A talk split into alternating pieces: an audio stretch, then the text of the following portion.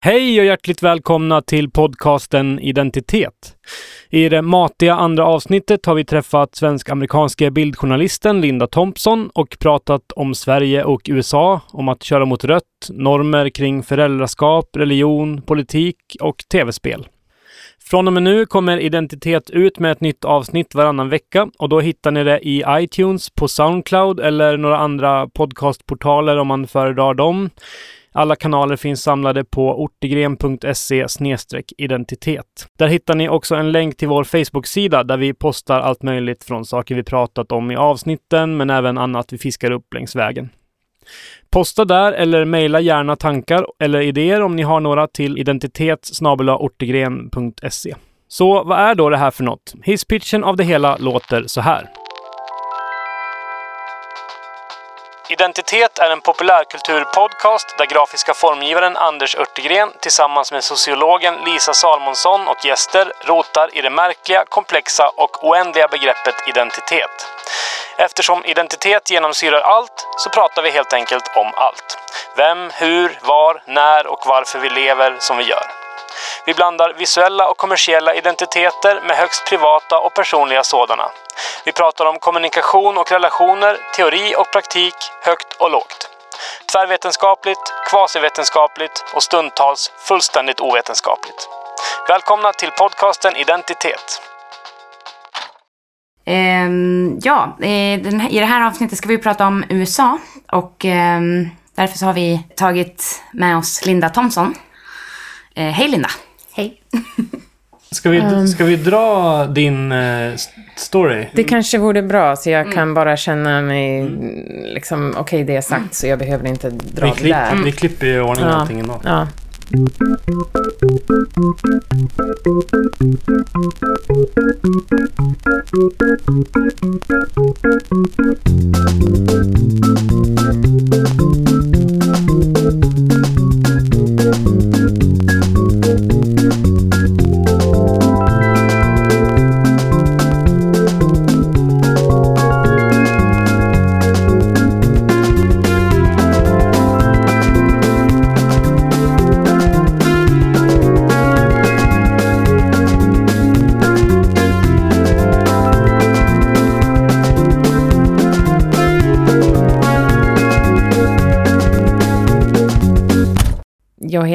Thompson och jag är född i, i Sverige men uppväxt i USA. Och um, eh, min mamma är svensk och träffade min pappa som utbytesstudent i high school till USA, en liten, liten by i Michigan. Så um, mina föräldrar bodde både i USA och i Sverige.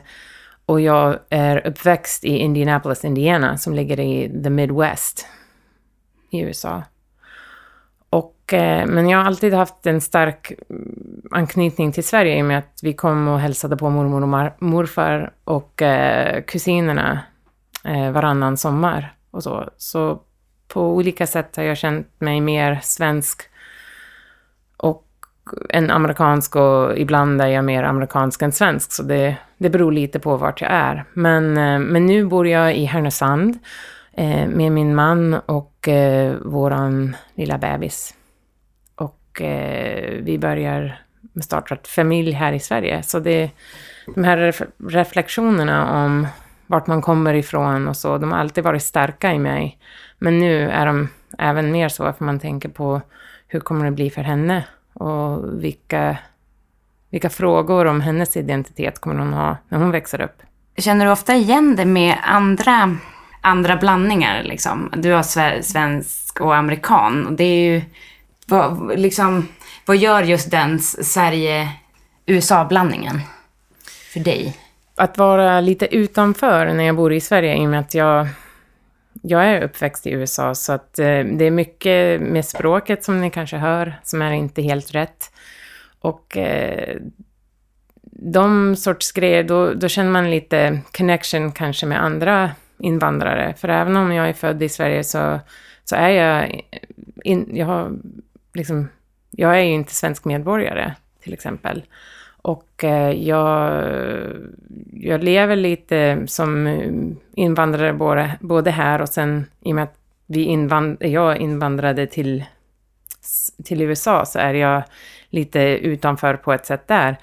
Eh, men till, det är svårt att förklara, men till exempel när, eh, när jag flyttade till Sverige när jag var kanske 23, 24 år gammal, um, så till Härnösand, så tyckte jag att det var väldigt svårt att träffa folk här. Och um, komma nära folk och lära känna folk för sociala what is it, uh, markers and things like you don't say hi to people on the street here that you don't know. I tried it for a while and you wave and say hi because I'm thinking I live in a small town. This is what you do in small town America. And people looked at me like I was crazy. Um, and I have heard that from people who come from other countries where socially things are more open than maybe they are in Sweden or have used to be. I think now, 10 years later, it's different here. Um, it feels like it's opening more.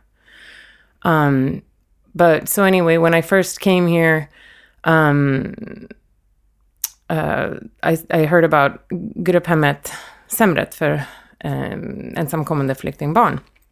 And I wanted to go and start taking pictures. And I ended up really loving to be around them because they had this outsider perspective. And I can't at all relate to the horrible things that they've gone through, but I can relate to messing up the language and um, just the feeling of being outside and not knowing how to come in all the way, even if at the same time there's this duality that I'm from here and you know when I stand at the old homestead of my relatives I feel like my toes are growing roots into the ground.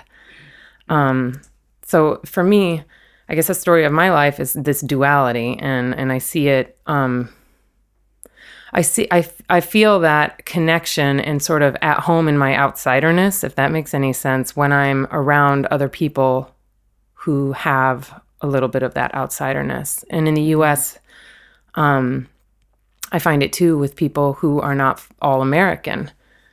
Um, because there's these like contexts when you're all Swedish and you just know the rules. You don't question things as much, I think, in the same way that maybe Americans who are all American have never questioned why is it like this here? Why do we do this this way? And once you've started to question where you come from and why do I do this and why do I do that, that um, you sort of sort of see things from a different point of view. That's sort of maybe why I've been drawn to do photo projects on people who are outsiders. I'm interested in that tension, but um, Jag tänkte på de här flyktingarna som du träffade. En, om man har en brytning i språket som ju du har. Och du känner att du är liksom Du känner dig kopplad till dem för att de kanske också har det. att Problem med ett nytt språk och så vidare. Men sett ur ett svenskt perspektiv så är, finns det ju på något sätt en hierarki av liksom bryter du på iranska så är det någonstans i någon, där liksom många, mer, många fler skulle vara liksom skeptiska eller liksom återhållsamma mot dig än om du bryter mot på amerikanska eller engelska. Där du liksom, jag skulle säga är så högt upp man kan komma i, i coolness av att här, ha en brytning. Det har, det har man ju liksom märkt. Det märker nog alla svenskar. Så fort man hör någon som liksom kommer från USA så vill man prata med den och man vill testa sin engelska och liksom kan, kan du känna också att du åker en, en enklare fil än, än någon annan brytning? Så att säga? Absolut. Kan du, känns, känner du dig så också? Jag känner mig lite obekvämt att jag accepteras som svensk och västerlänning, säger man så? Western world. Um, alltså att folk ser, de ser mig inte som en invandrare. Men tekniskt, ja, det beror på hur man definierar det. Jag flyttade härifrån när jag var två och, upp, och helt uppväxt i USA. Ehm, ehm, så det finns till exempel vänner som har uppväxt här, men de anses inte se vad kallas svensk ut. Och de har varit eh, trakasserad och så. Men jag, det händer inte till mig. Och eh, då kan man ha lite white man's guilt över att eh, varför är det så? Man fattar varför det är så, men det är så frustrerande att det är så. Så jag kan tycka att när folk hör att man är amerikansk, att, att de, ja, att man är intresserad av varför jag kom hit. Um, men jag tror att kanske folk har mer uh, preconceived ideas about why people from Iran come here or why people from Afghanistan ended up here. You assume, oh, they're refugees. Oh, this happened. Oh, you know, whatever. Um, but I think that um, I think that I get I think that I get easier treatment in that way. Um, but my Swedish is good enough that I can get by. Um, and sometimes people say they don't notice that att jag har ingen brytning eller så. Och andra gånger så, så är det någonting enkelt att man kan inte ett ord. Så ja, om jag ringer Försäkringskassan och ska prata med dem och, så, och jag fattar inte vad de pratar om och ska för, försöka få reda på föräldrapenning och hur det funkar och allt det där, för det är väldigt komplicerat. Att, um, uh, till slut får jag säga att jag är inte härifrån. Jag, jag kan inte språket, jag har inget ordförråd, brukar jag berätta. Att på något sätt måste jag säga att jag... There's nothing wrong with me, I just don't know what you're saying. like, I need a translation, or can you repeat that, or, or whatever. And but for some reason, I never push the uh, in English button. Jag vill, mm. jag vill prata svenska, men det är som att det, det, det går inte helt hela vägen. Jag kan, kan inte liksom hela mm. språket. Så det är jättebra. Ni flyttade hit för att ni skulle få barn, eller var det en slump? Alltså vi bestämde oss att vi ville få barn, men vi flyttade inte hit för att starta familj. Eh, vi, vi flyttade hit för att eh, min man Raven kom in på en mastersprogram i Umeå. Och, eh, och det kändes som att, ja, en bra sätt att vara närmare min familj och bra tillfälle att komma tillbaka till Sverige. Um, men när man är väl här och då, allting är liksom lagt upp för att förenkla det om man vill starta familj. Så att det blev mer att inte tänka, nej, vi kan inte få barn nu för att vi har inte råd eller så. Det är mer varför inte? Och jag tror att det har jättemycket att göra med svenska systemet, att det är, why not? Like, mm ja. Du skrev en artikel som vi ska lägga ut en länk till på mm. en tidning som heter TheLocal.se som är en webbtidning med svenska nyheter på engelska. Ja, då skriver jag lite grann om, om det där och, och både om mina personliga erfarenheter och just att det är så olika med just hur systemet är lagt upp. För i USA um, så har man, det finns ingen lagstiftad rätt till föräldrapenning if you've had the job for six months at least or something, they can't fire you. But they don't have to pay you when you're gone. And I don't think you can be gone very long. Um, so the Swedish system is extremely generous. And I mean, it's mind blowingly generous. We could never have been in school and had children at the same time because one of us would be have to be working and that's also because colleges you pay tuition, so you pay for for the actual schooling, and then um, student loans are at a much higher rate. So it's it's pretty much a lot easier here in the, in that way all around. Um, och samtidigt i artikeln pratar du också om att eh, de här systemen som finns här i Sverige, att de också kan vara de skapar också vissa normer som gör att det blir andra stigmatiseringar än det kanske blir i USA. Mm. I guess I was really surprised that um, I was surprised that other people were surprised about me going to school, starting a master's program two months after Ava was born. Um, where in the United States, like I said, uh, you could be going back to school um, or to work or whatever two or three weeks after having a baby. Um, some people might stay home for three months. I have a lot of friends who stayed home for three or six months and they didn't get paid for a lot of that time. Um, so for me, I felt like two months with heltidsföräldrar pending was like a gift, a huge gift. And I was ready to go to school. And what I found out is that that's outside of maybe the Swedish norm. And um, I think I started to realize it before Eva was even born because people would say, "Well, you're starting a master's program, but when you know what what's going to happen to Eva?" As if like she would be sitting at home on the floor by herself, and we would be going on with our lives. And um, so all of the questions sort of led me to think about this a little bit more, but um, and wonder, well, wait, what am I doing? Um, so I wrote, um, I started writing this piece about about that. And you know it's a hard it's hard for me to at one hand sort of just feel so grateful for this amazing system and then also then say but hey like why why is it not okay for me to go to school? If the idea with föräldrapenning is that women have choices and they have their career möjligheter att på något sätt att det blir konstigt nu om man då väljer och ta något annat beslut. Det är intressant. Mm. Varför är det så? Mm. I don't think people are doing it to be mean, you know. I just think that they're not realizing maybe how it feels, you know, in the, especially when you just have a child, you're extremely sensitive about you everything that you're doing. Never done it before. Am I doing it right? And to have um, maybe people who have grown children question you is mm. difficult. Um, det är intressant också att alla de här anklagelserna oftast kommer liksom uppifrån ner. Jag kan känna att jag har gjort en sån grej för länge sedan, tio år sedan kanske själv. Att jag...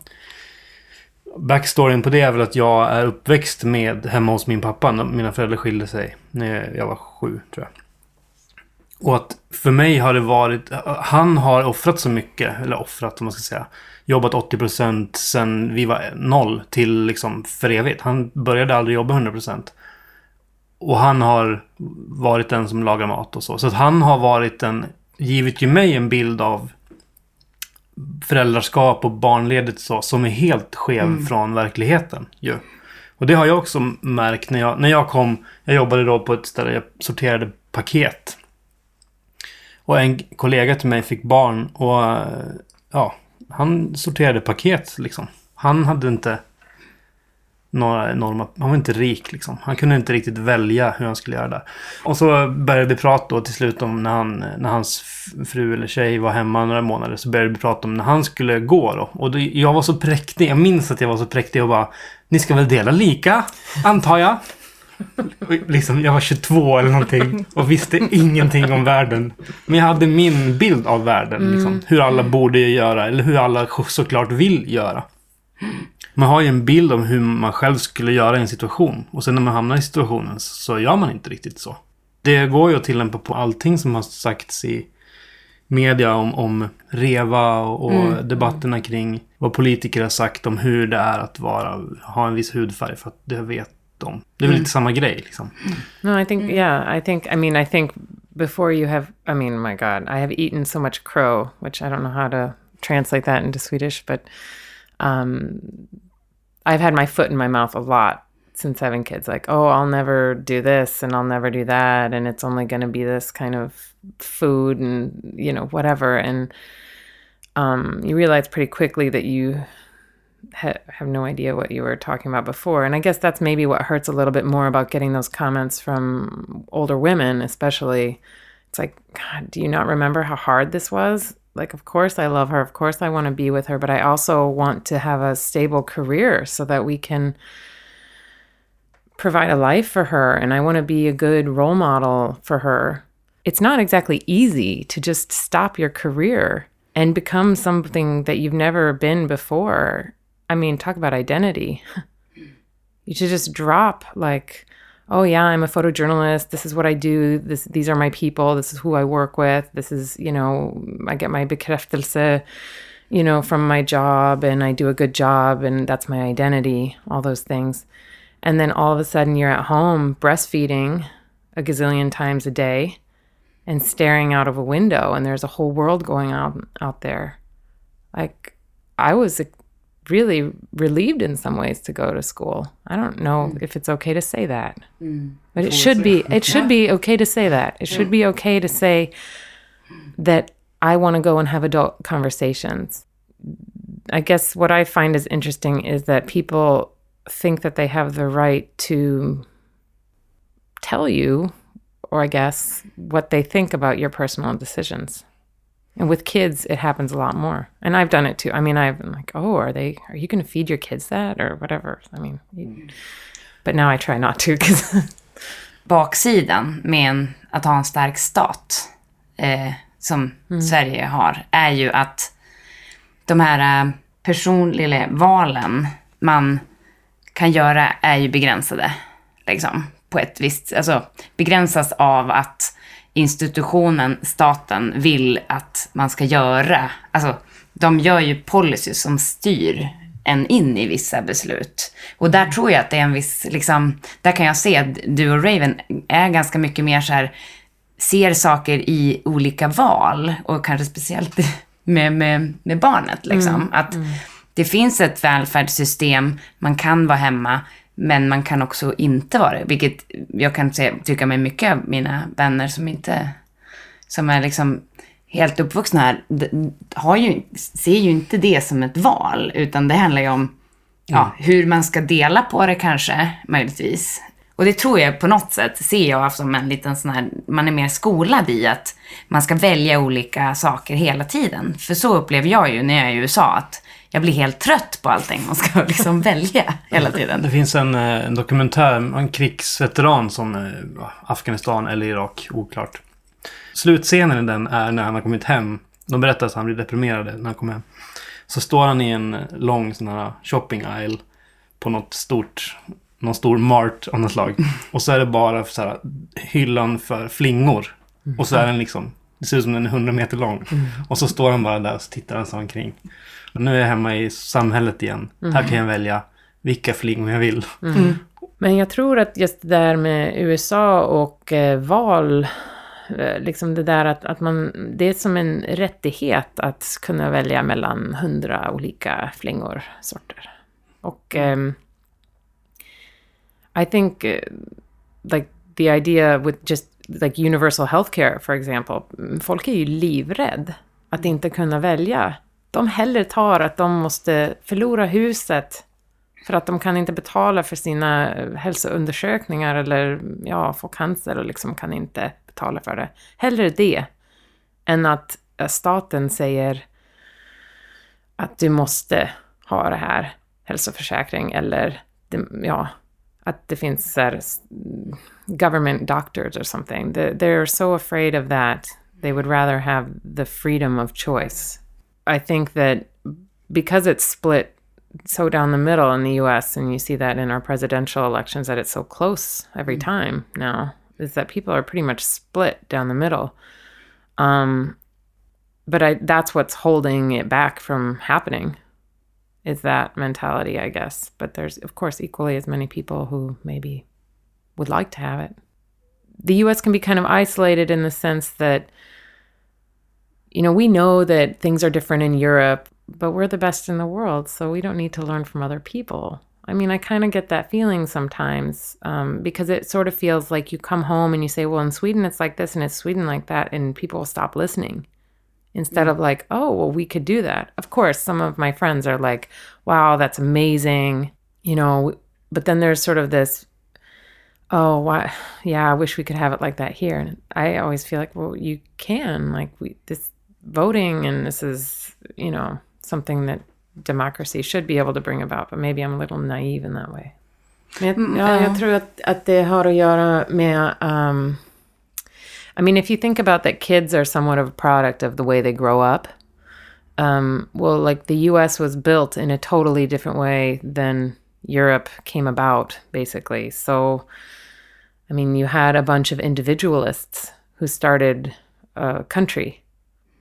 They wanted to do things their way, and they that's why they went there. And they also saw the great economic opportunity that all this quote unquote open land that was really inhabited by Native Americans could offer them and um, they had to depend on themselves a lot to make that happen. Whereas in Europe, you have a system where you know, okay, so if there were kings, but the king, you know, would get overthrown if people starved year after year after year after year. So the idea of taking care of your people came from a different place. And then I think in the more modern era, like uh, just the fact that that each country um, here is smaller and and like the infrastructure was built up a maybe longer time ago. Um, you know, you didn't have the Wild West kind of mentality here. Um, so I think in America that there is um, more. I mean, what people talk about the American dream is is a little bit about that. It's it's about um, any i mean the idea is that anybody can be born poor and then make it into you know if they just try hard enough. Um but i think part of that is is just that independent spirit of like we have to make it. And you know the people who settled out in the west um they were so distanced from the federal government that they had to depend on themselves. So there is this culture of we depend on ourselves and the federal government just comes in and tells us what to do. There's not the same trust as here. I mean, as soon as Ava was born, I basically decided I would never complain about paying Swedish taxes ever again. I mean, the entire birth is paid for and you know, you don't even, I, I think we paid for a couple nights of stay at the hospital, which is less than a hotel in the US. I mean, it was so, yeah. Uh, and then the barnbidrag that starts rolling into the account. I mean, you see from such, and I'm sure if you grew up here, you see it from an earlier age, like, oh, I get to take this bus or that to school or this is you can have barnbidrag. And I, I think like in the us you might not feel that you see why you're paying so much taxes um, where that tax money goes. So there's more of a distrust. I pay in all, all this money but i don't get anything back. And part of that has to do i think with the us going to other countries and I mean, the mm. military and everything like that. Our money goes different places. Men det, för det har jag ofta tänkt på också det här att man som fattig ska vara mer vote democratic liksom. Mm. Om man är fattig. För att, och till viss del kanske det är lite så. Men ganska ofta hör man ju också att, att det är nästan är tvärtom. Att det är liksom det är inte riktigt klassat, de som röstar på republikaner och de som röstar på demokrater, eller? I don't know what the breakdown is. My understanding is that it's more coastal, like the west coast and the east coast are more democratic, and then you have this, what they call, you know, Republican red states. I mean, they talk about blue and red, and blue being Democrat, and, and mm. red being Republican, and, and they say like the the middle part is really Republican and red in the South. Mm um, because we only have two parties, people are forced to choose, and I think this is a big part of it. So, um, if you are, if you believe that um, abortion is uh, a sin, for example, mm. uh, that that goes against what God wants, then, um, and that's what you know, the Republican Party is um, definitely that's one of their things. Then you might feel like you might feel more of a Democrat when it comes to financial things, but you can't go against your God, so you're going to vote Republican. And I think that that's, um, and also with the question of um, gay marriage and those things, the Republicans have those hot button uh, religious sort of issues um, on their platform. And what happens with that is that is what I think is happens is that people um, are who are religious can't can't really make that come together. Mm. Um, so I think if you have more parties to choose from, like you have here, then there's more of a sophistication of well, I want to vote for the environment, so mm. I'm you know that's the most important thing to me, or um, you can actually vote what your heart is telling you. I think a little bit more here. Um, I know a lot of Democrats too who feel like the Democrat Party is too far right and they would like to go farther left. But what happened when um, Nader was running is a big fear, and that's what is held over people's heads is that um, he was the Green Party candidate that took votes away from Al Gore. And it was really close. So, what does that do? That punishes. I mean, the majority was voting more liberally, but because that liberal vote was divided, instead of like the parliamentary system where it pulls in all one direction, um, I think that that causes people to be a little bit scared of of thinking maybe outside of the two parties that are so strong. Det är ju lite ironiskt också att man vill ha väldigt mycket att välja på i alla andra sammanhang, men inte när det kommer till politiska partier. Ja. Vi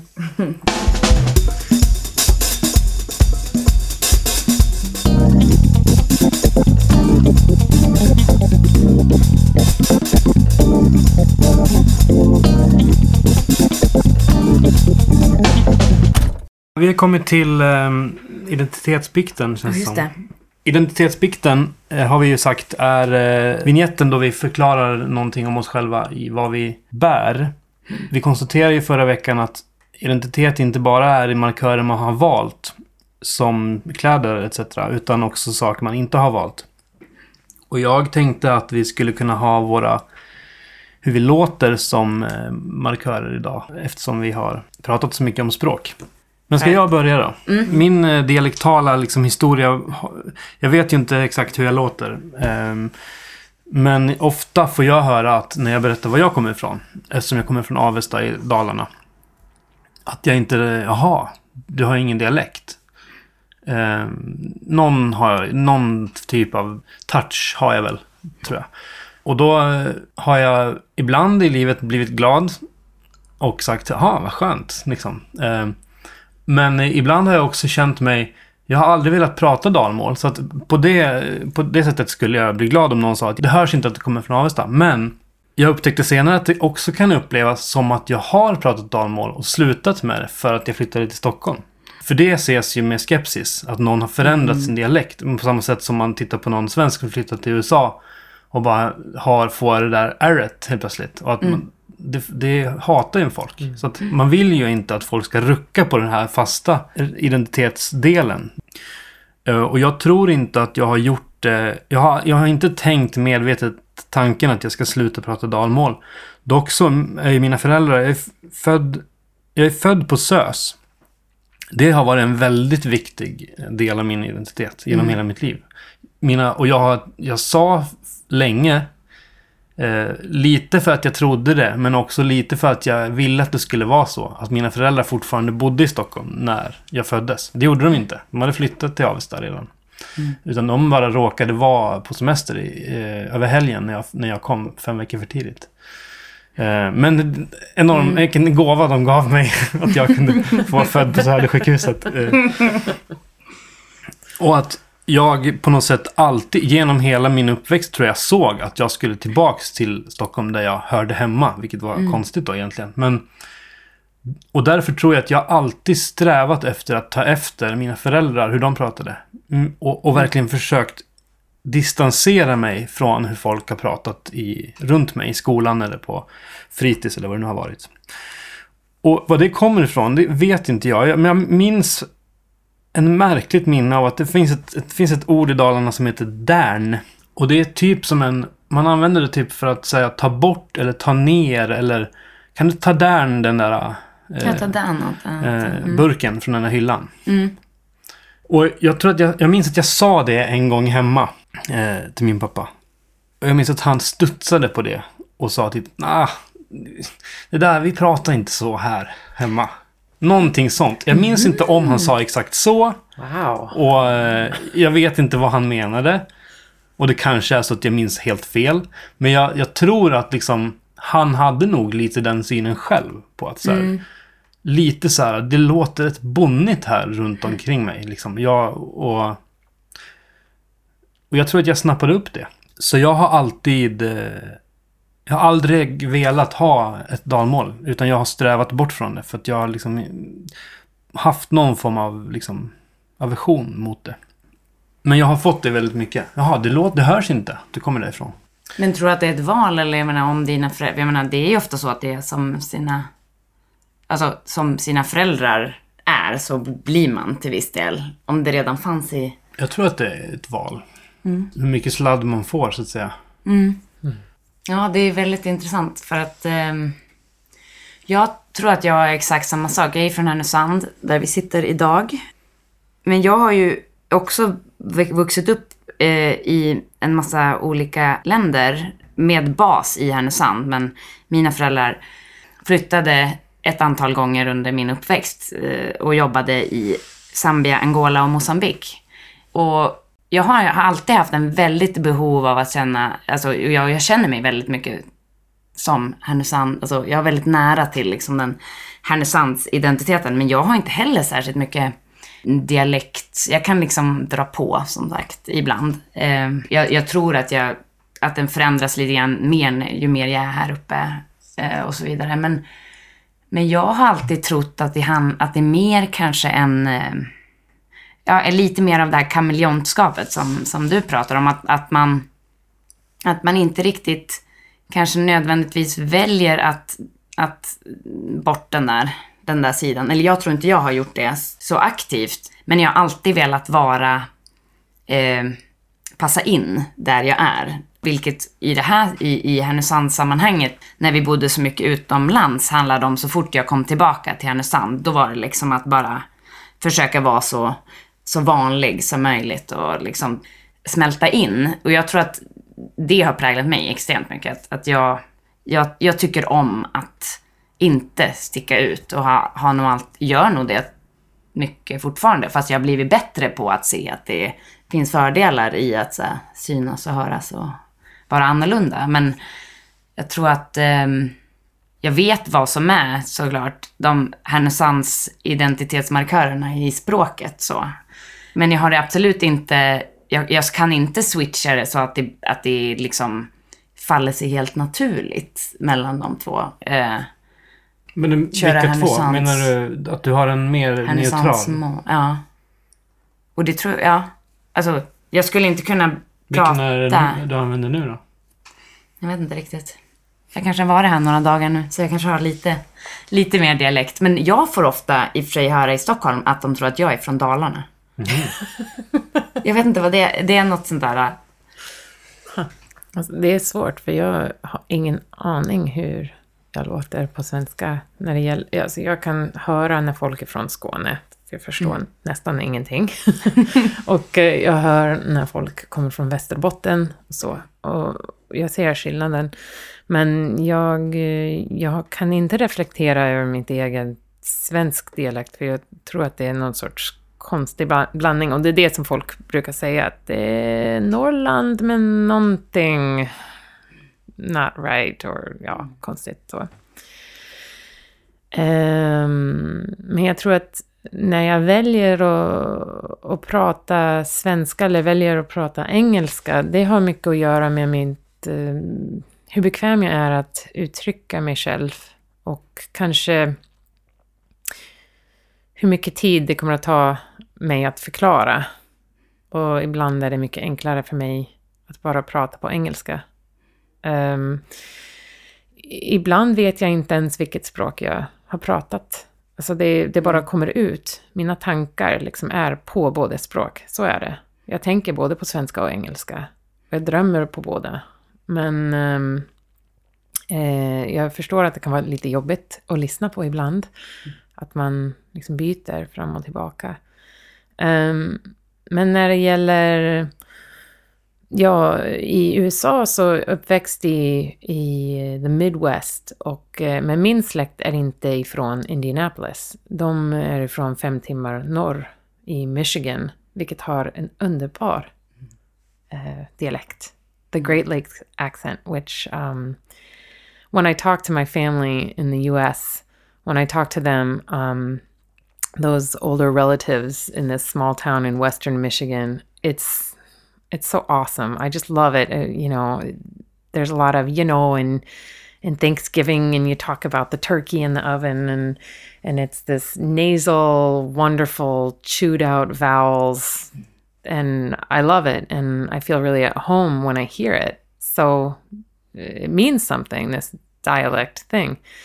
Um, and when I'm around them, it comes out heavy. And Raven will even say um, sometimes he's just like, "Holy cow!" Like, because if I'm on the phone with one of them and then get off the phone and I'm relating what they said, he's just like, "Wow," you know. And I don't know if it's a conscious choice to go into that, or if it's more like um, falling into it, like, ah, this. Mm. And it's a way to sort of be in your childhood a little bit, to be back at grandma's house and, you know, hearing those voices again and sort of live it out for a little bit before the fantasy goes away and you realize your family is spread out all over the place and you have no home and all these existential crisis questions. But for that minute when I'm talking to them about Michigan and the weather and how it's been and all that, it's just, it's so, I love it. So mm. It means something to me, but um, I think it, again, it's that chameleon thing. Like if I'm talking to people from Indianapolis, it might be more of the Midwestern with a little bit of Southern drawl in it. Indianapolis has a little bit of that. Um, I would think like I've heard I've heard that you know like uh, this next generation of Swedes that are are born here and raised here, but maybe their parents were from someplace else, and so they have both a different maybe set of values than maybe some of their other friends, but they and maybe have a different dialect and language at home than what they use at school, and these kind of things. They will also have this duality, I think, in this way of like being able to shift from different mm. communities and and and I think it's when you realize that it can be an advantage or you realize that it can be um, it's not something to hide one side or the other, I guess. Mm. You know, mm. and and I think that that's the difference for me between living here now and then the last time that I lived here is that I think I was trying maybe the last time to be Swedish or what I mm. thought Swedish was. So I really tried not to speak English as much as possible and would get very frustrated because uh, I think of myself as sort of like a talkative person and and I was almost silenced myself. I censored myself because when you're at a party and I've gone in deciding I'm just going to speak Swedish because I want to be Swedish, but I can't joke or be myself or use my humor in Swedish because that's like the last thing you get in a different language is humor. I was really quiet and I never felt like myself. And I think eventually that that maybe was one of the factors in in me leading me back to the states was this idea of not being able to be myself. And that was an active decision this time that I'm going to use whatever language I, feel like. Um, because it's more important that I let my personality sort of come out. Mm. And in that way, language is really important, especially with mm. regards to humor.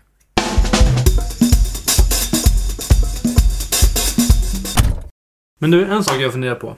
Att det alltid är det ena eller det andra i det. Liksom, antingen är man väldigt religiös eller så är man inte det. Antingen är man demokrat eller så är man republikan och så vidare. Men har man sinsemellan en förståelse? Alltså det är ändå så här, Även om man inte är kristen så är det så, så stor del av USA som bygger på kristendomen man måste ju förhålla sig till, mm. till kristna på ett helt annat sätt än vad, vad jag måste göra i Sverige. För vi är ju, sekul, vi är ju ett sekulariserat land. Liksom. Mm, jag är uppväxt i kyrkan. Alltså lutherska kyrkan och så. Det var varje söndag som gällde i min familj. Och eh, mina föräldrar, de pratade inte mycket om politik hemma. Men jag kanske förstod när jag var lite äldre vilken sida av saker de liksom föll där. Men, ehm, men min farmor, hon var republikan. Och eh, eh, gick till en väldigt konservativt luthersk kyrka där kvinnor fick inte rösta i deras eh, kyrkråd. Och eh, man fick inte ta natt... Nattvard. Ja, nattvard. Om man var inte konfirmerad i just den där delen liksom den vissa kyrkan. Så det var väldigt konservativt på många sätt. Och, eh, men min farfar, han var demokrat. Och eh, varje år så gick de eh, ner och rösta. Och they cancelled out each other's votes, but they did it, which I think is so cool. But there was not a lot of talk of politics because at home there, because um, I think it, you know, they were of a generation that if it could, om det skulle kunna skapa konflikt, då ska man liksom undvika det.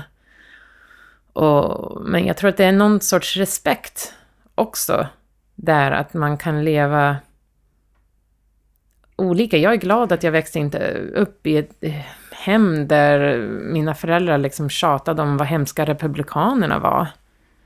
För vi bodde uppväxt i Indianapolis. That is a red state for sure. I mean, that is Republican red, not um, communist red. But um, yeah, so and, and and so most of my friends' parents were Republicans, and um, I mean, it's a very conservative area. So I guess I grew up seeing people as people and and that being separate. So you know, and and that's been really good to be able to see to see people for people and to understand that, you know, my grandma really feels strongly about her religion and God has helped her through a really difficult childhood of her father dying when she was nine and they were poor during the great depression and almost starving and and all these things. And and her god helped her through that and so i respect that if she has to go and vote against abortion or whatever it is then i can see her world you know i'm like the queen of fence sitting in that way i mean we were just talking about that a little bit um where it's hard for me to say USA is like this and Sweden's like this because uh, I can see it. I can really see things through so many people's perspectives. Like I can understand why they came to that decision. I might think it's sad. I might think it's really wrong, but I can understand how they got from point A to point B. Um, and that's been really valuable for my work as a journalist and photographer because it's sort of you have to check your own stuff at the door a little bit and walk in and, and interview people and create trust and and and try to tell their story fairly even if i totally disagree with their politics personally in some ways you know you might learn more from talking to somebody that you disagree with totally as long as mm. as there's a mutual respect of ideas um you know Kan du inte berätta om dina topp tre du, saker i Sverige du har gjort bort dig? Um, I probably like, vad är det, förträngt mm. dem? Ja. Mm. Mm. Um, well, I almost signed a letter vanliga hälsningar. Mm. Uh, that ä is a little bit problematic every now and then. oh, well, there's uh, was at the grocery store, and this was when I lived here 10 years ago, and my Swedish wasn't as good. Um, so Mm, you know, when I'm checking out and everything, and loppet. And I was like, okay, just nod. And I was like, oh, but they're like, loppet. And I was looking confused. And she's like, på beloppet. And I'm like, okay, it's a question. uh, and I was like, uh, och då hade jag redan pratat om vädret och allt möjligt på svenska. Och det lät helt liksom, ja, som att jag förstod språket då. Och då förstår jag, nej men vad, vad menar du på beloppet? Vad betyder det där? Och då blir det jättekonstigt. Då blir det så här, jaha, hon, eh, det är inte, there's something not right with that one, you know? And uh, it's, it's funny now, but in the moment it's embarrassing because there's people standing in line behind you och man känner bara att man börjar svettas och liksom, var, varför kan jag inte? Och sånt där. Det var mycket mer sånt förra gången som jag bodde här. Eh, och då tror jag också att jag var mindre kanske bekväm i det här utanförskapsrollen. Som jag, jag liksom tagit att, nej men så, jag är sådär att jag fattar inte allting som sägs. Och nu frågar jag. Men då var det mer, ja, men eh, vilka andra sorts, gör bort mig, sorts grejer. Well, you can't turn right on red, I found out. Mm. Oops. Fick du betala för det? nej, nej, nej. But just uh, passengers that were like, what are you doing? Men man kan inte det i hela USA väl, heller? Det är vissa stater väl? Ja, jag vet inte. Det, det, det är inte alls samma sak att få körkort i USA. Det kostar 25 dollar. Jag gjorde det när jag var 16 liksom. Här får man gå en hel utbildning och köra på halkbana och det är därför man känner sig safe on the roads here for sure. I mean there's more accidents. Vi har också väldigt trygga bilar. Jag minns en gång när det kom ett datorspel, ett bilspel av någon form. Då fanns det en bana som utspelade sig i Gamla stan i Stockholm. Så man kunde alltså åka runt, ja, runt Gamla stan på något sätt. Jag har aldrig spelat det ens. Men jag, minns att jag blev extremt glad när det kom för att aldrig någonsin, vad jag visste i alla fall, har Sverige, liksom en stad i Sverige figurerat i ett datorspel. Det var ju ett internationellt spel. Så det liksom kom ju över hela världen. Och jag har alltid tänkt tillbaks på det för att så här, i kontrast mot hur det är att vara amerikan. Där hela ens kultur är normen för, inte hela världen, det kan man inte säga. Asien har ju sina egna liksom, ganska starka rötter och vissa länder i världen har, inte, har andra bekymmer än att, än att liksom, titta på vilken kultur som är rådande. Men om man tittar på väst i alla fall. Så är det liksom alla tv-spel, all musik, inte all, men väldigt mycket. Och, och hur det påverkar en på något sätt. Eh, för mig är ju liksom ett, vad ska man säga, ett, ett, ett titel på ett tv-spel reflekterar jag inte över eh, Top Gear, säger vi. TV- TV-programmet. Det heter ju bara, det är två engelska ord för mig som låter ganska coolt. För någon som har modersmålet engelska så betyder det högsta växeln. Det låter inte alls lika coolt liksom. Jag vet inte hur, det är så svårt att så här snurra hjärnan kring hur känns det att, alltså att alla låtar är på ett språk som faktiskt är det mest naturliga för en. Liksom. Jag tror att, att, att just att man... De flesta kan engelska i Sverige, till exempel. Gör att man känner sig aldrig som att... Det är inte helt främmande land. Alltså för mig är det inte helt främmande land för att jag kan svenska och bla bla bla. Men, men för Raven, min man till exempel, um, han, han behöver egentligen inte lära sig svenska. Han skulle kunna bo här hela sitt liv och inte lära sig svenska. För att man behöver inte göra det. Och det tror jag gör att, att man på något sätt behåller lite av makten kanske som man har som person. Som om man, ja till exempel när jag hälsade på dig Lisa i Portugal. Och svenska funkar inte och engelska funkade kn- knappast liksom, till, på någon marknad när jag skulle köpa kaffe eller vad det nu var. Och, ehm, och då känner man direkt på, oj, nu kan jag inte. Nu, är jag, nu behöver jag hjälp. Och det är väl kanske det att, att när man är amerikansk och ute i världen, man behöver inte lika mycket hjälp. Så man känner sig ganska, man kan göra sig hörd och uttrycka sig själv ganska väl överallt. Eller inte överallt, men, men i alla fall här. Och det tror jag gör någonting undermedveten. Att man på något sätt är inte lika utsatt kanske som andra som kommer till Sverige med olika språk som kan inte uttrycka sig. They, they struggle more. Um, and then yeah, I mean, I definitely, I mean, we watch all, we watch The Simpsons or Family Guy or, and you know, all these American sitcoms that are on TV. It's the same stuff that we watch in the U.S. That's that's not a foreign experience. Um, Det måste ju nästan vara... På, på många sätt måste ju västerländsk media vara som lokal media. Alltså, om det kommer en ny filmstjärna eller en ny, vad det nu skulle vara, ett nytt band som, som blir hett. Så kommer ju det snappas upp lika fort här som det gör på ABC. Ja, alltså nu mera med liksom allting går så mycket snabbare och internet och så. Man ser ju att folk i USA, de vill höra musik. Det finns folk som vill höra musik från resten av världen och då blir det lite så här indie cool. Jag har hittat den här band från Sverige eller en grupp eller whatever. Like, um, and then and then you get kind of like street creds because you found something that nobody else knows about, and and that's like kind of its own thing. Um,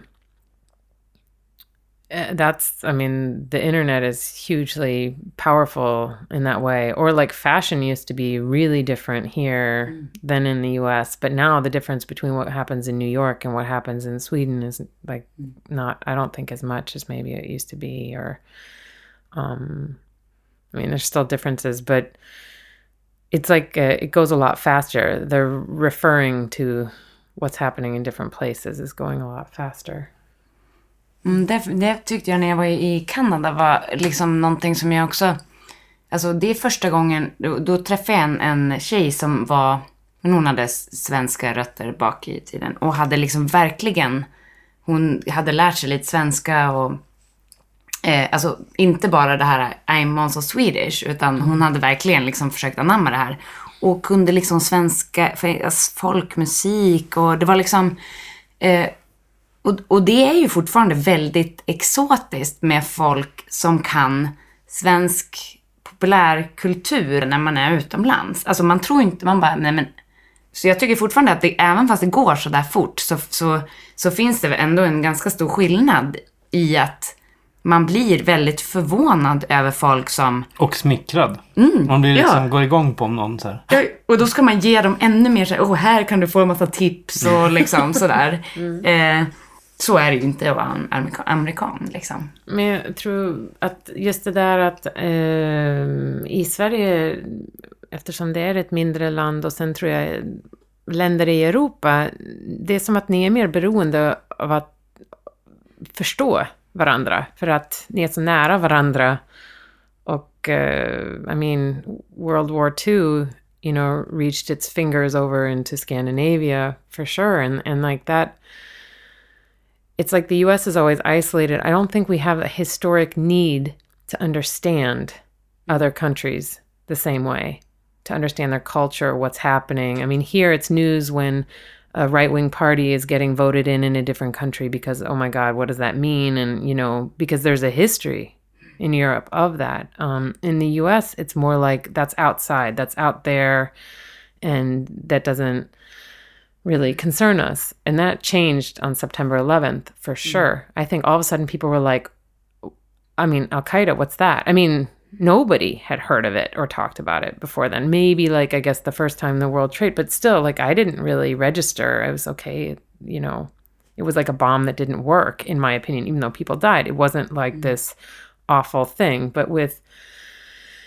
I would say, you know, September 11th was more like a, a Pearl Harbor sort of a feeling of like, oh my god, like we're at we're at war. I mean, I remember when I that day like not knowing if this was the beginning of a I mean, it felt like this is the beginning of a war, like not knowing like what's going to happen. And and I think that part of the sort of horror and the trauma for Americans was the loss of innocence or whatever you want to call it. They got ripped out of their like we can sit here and have our cheap oil or and you know and not really be understanding what's happening in different parts of the world. And all of a sudden it's important to understand mm. because it's it's here.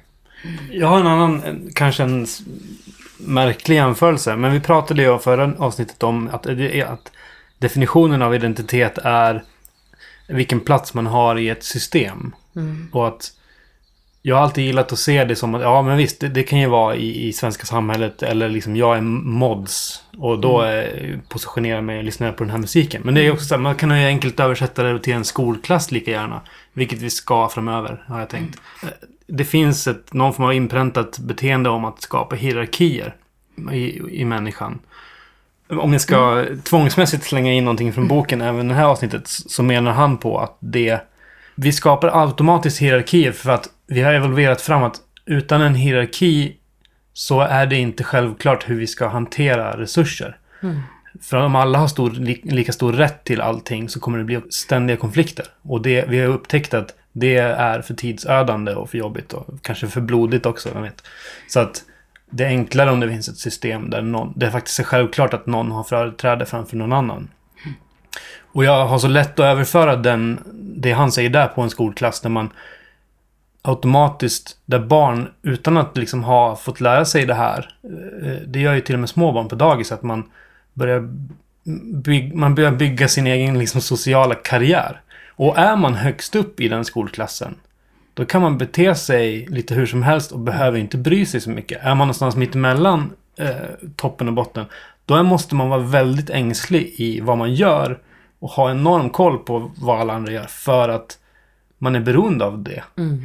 Och jag tänker att USA, alltså jämförelsen med USA är samma sak. Att så länge man är en- världens enda supermakt Mm. som är i toppen. Så behöver man inte heller ha så mycket, man behöver inte ha så stora öron liksom. För att vad de pysslar med där nere spelar inte så stor roll.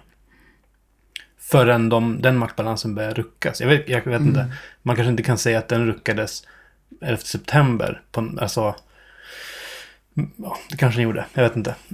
I think, I mean, I get that was like maybe a wake up call for a lot of people, maybe about what what's going on in the rest of the world. Uh, men ja, jag håller med dig om det där. Jag tror att det är absolut så att man, man har inte behövt veta och förstå om man inte bara är intresserad. Och sen är det liksom geographically isolated in the sense that it takes a lot of money. You have to have um, a lot of, of money to go to Europe and and get that contact to in the interest of like, oh yeah, I've I've been to Paris and I've been here or I've been there and and I saw these cultural sites and so I have a deeper understanding of why the French are the way they are or whatever. Um, that and especially if you then don't live on the coasts um, and you live in middle America where there's maybe less uh, immigrant populations from from the rest of the world that it's hard to even get in contact and maybe you've never met anybody from outside of your own state. I mean, when I went to school in Montana, I met um, people who had never been been out of the state of Montana, who had never been on an escalator or who had, you know, I mean, and and so what's their view, worldview at 18 years old? Of course, if they if they hear that like um, you know Iraq has uh, weapons of mass destruction and their experience, I mean, you know, the education level in that sense is is also like the the interest. I mean, I think that you become interested in the rest of the world because you're exposed to things that are different. That start you start being curious, maybe. Hmm. Hmm.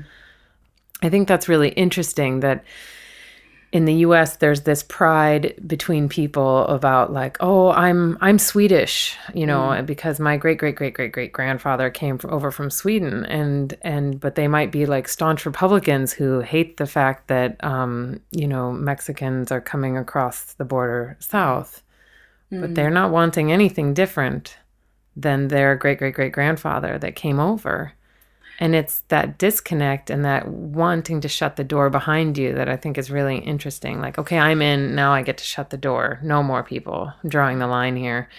And um, varför tycker vi som människor att det är så viktigt vart man kommer ifrån?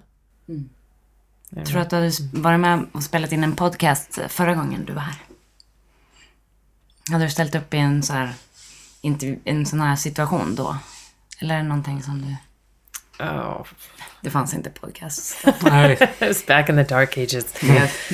ja, jag vet inte, men, men, eh, men jag tycker att jag har pratat ganska mycket på engelska idag också. Och det, ja, jag skulle vilja uttrycka mig bättre på svenska. Jag, jag skulle vilja bara kunna några andra språk också. Jag är väldigt begränsad. Det är engelska och svenska. Och ja, det är många som kan många språk.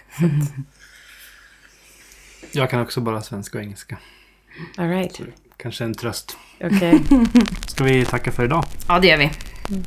Thank you for having me. Tack, tack. Tack.